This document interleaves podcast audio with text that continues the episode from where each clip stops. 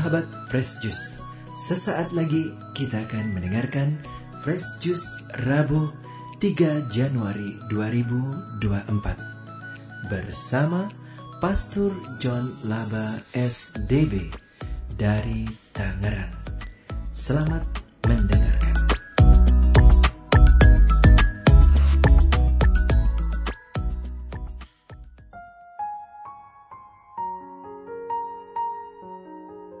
Saudari dan saudara, para pendengar setia Daily Fresh Juice yang saya kasih dalam Kristus.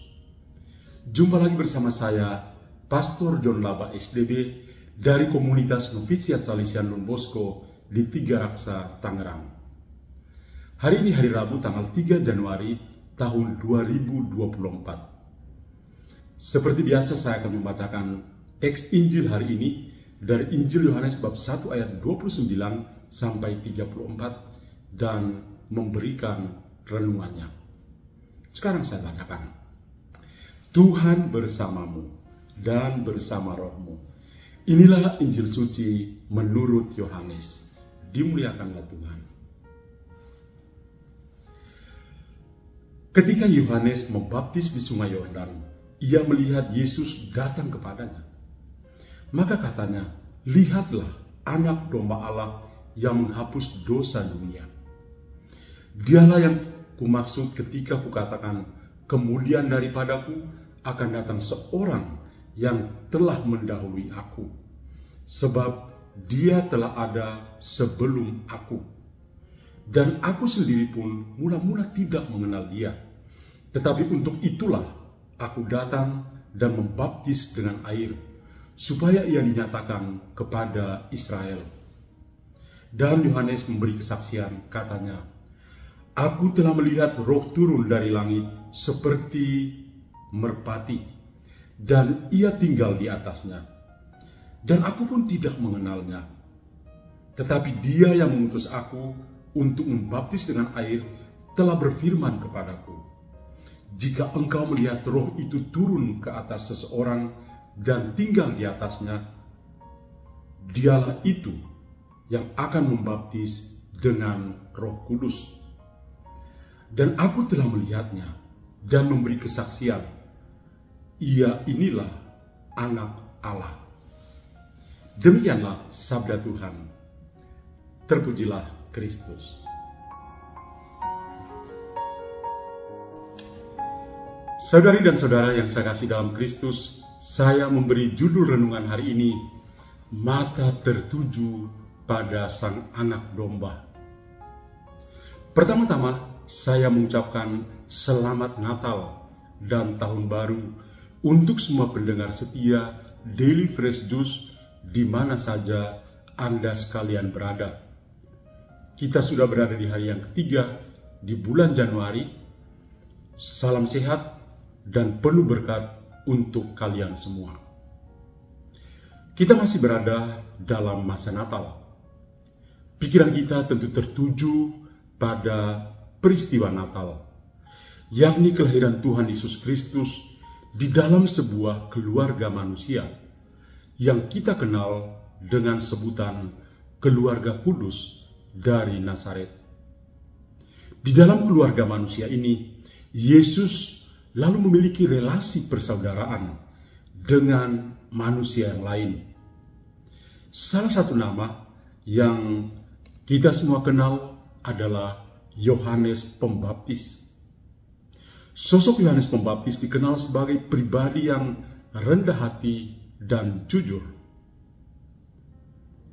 Injil kemarin tanggal 2 Januari mengisahkan bahwa ketika orang-orang Yahudi dari Yerusalem mengutus para imam dan kaum Lewi untuk menanyakan identitas atau jati diri dari Yohanes, maka dia menjawab dengan jujur bahwa dia bukanlah Mesias. Dia juga bukanlah Elia dan juga bukan nabi yang akan datang. Ia mengakui dirinya sebagai suara yang berseru-seru di padang gurun. Luruskanlah jalan bagi Tuhan. Lebih dari itu, Yohanes bersaksi tentang sosok Yesus. Dia yang tidak kamu kenal, yaitu dia yang datang kemudian daripadaku.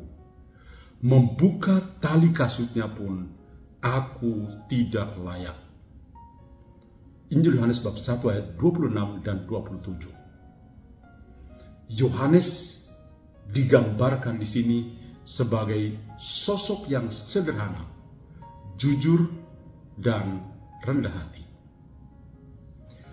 Pada hari ini kita mendengar kisah lanjutan tentang relasi antara Yohanes dan Yesus. Kali ini Yohanes sedang berdiri bersama para muridnya dan Yesus yang datang kepadanya. Perkataan berupa kesaksian bahwa Yesus datang kepada manusia dalam hal ini kepada Yohanes sangatlah menarik perhatian kita. Yesus adalah anak Allah dan kita semua percaya itu. Dia yang punya inisiatif yang pertama untuk datang kepada manusia. Dia yang datang kepada Yohanes.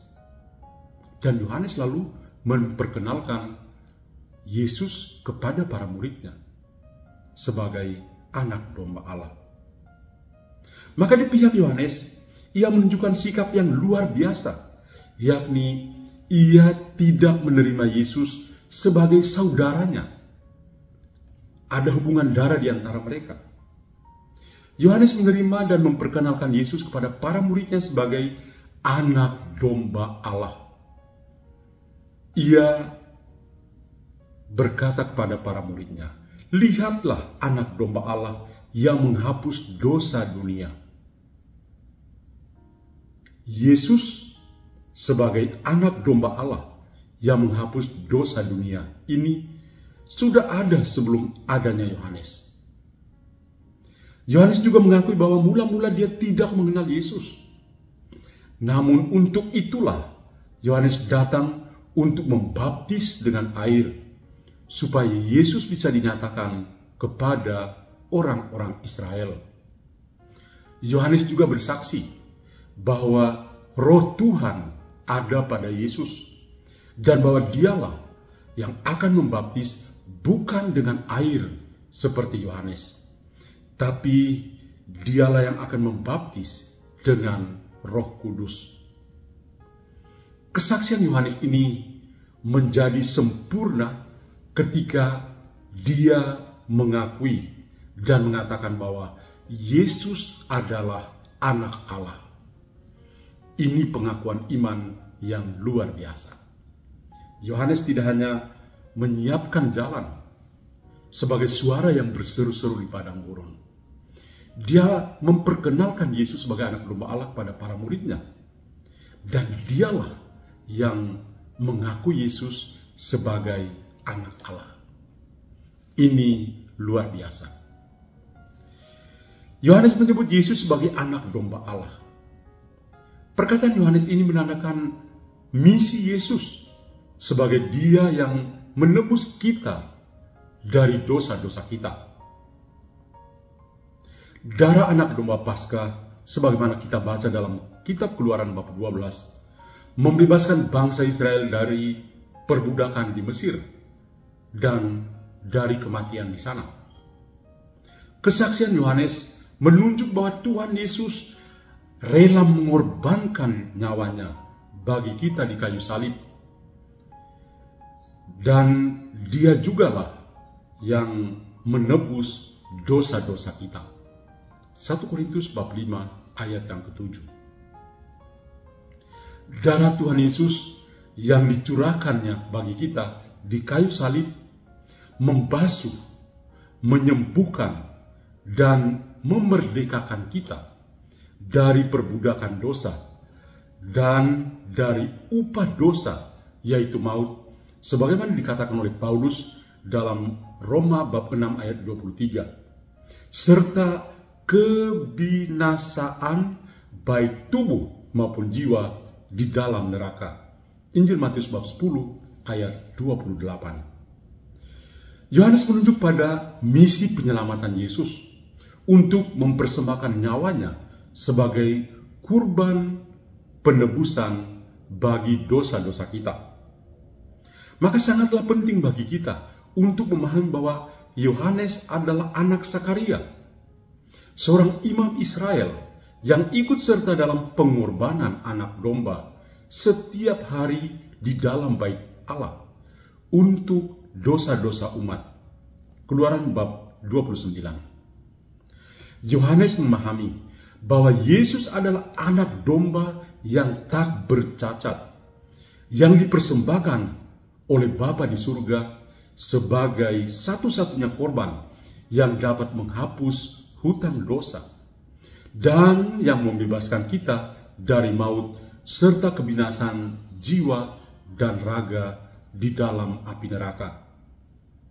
Roh Kudus menyatakan siapa Yesus sebenarnya, yakni bahwa dia adalah anak Allah dan juru selamat dunia.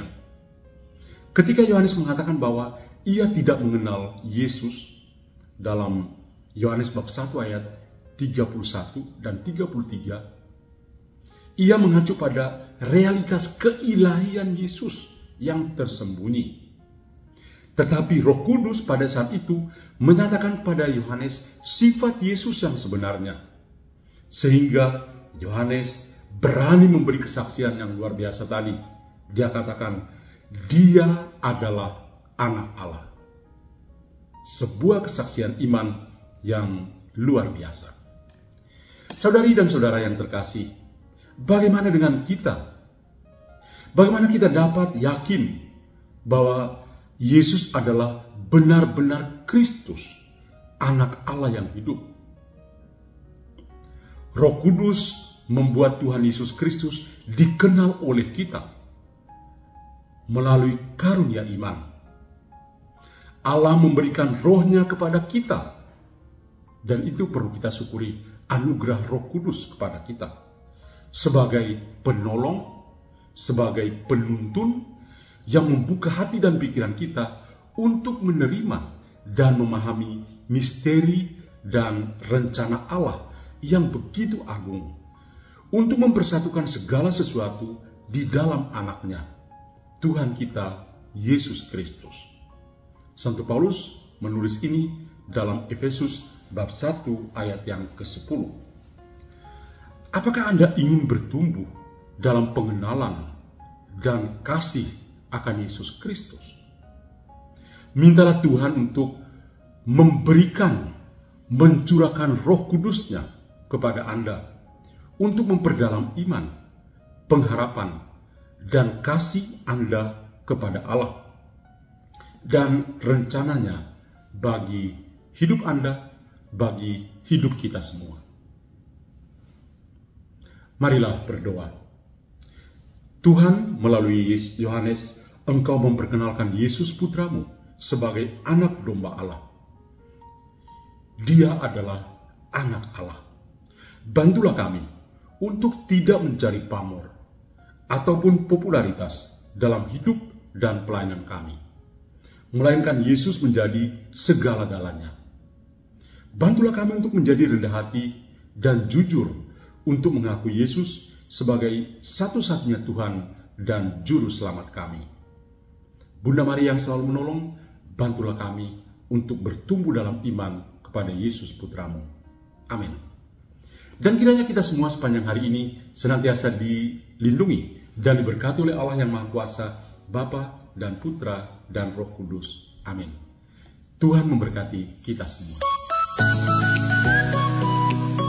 Sahabat Fresh Juice, kita baru saja mendengarkan Fresh Juice Rabu 3 Januari 2024. Terima kasih kepada Pastor John Laba untuk renungannya pada hari ini.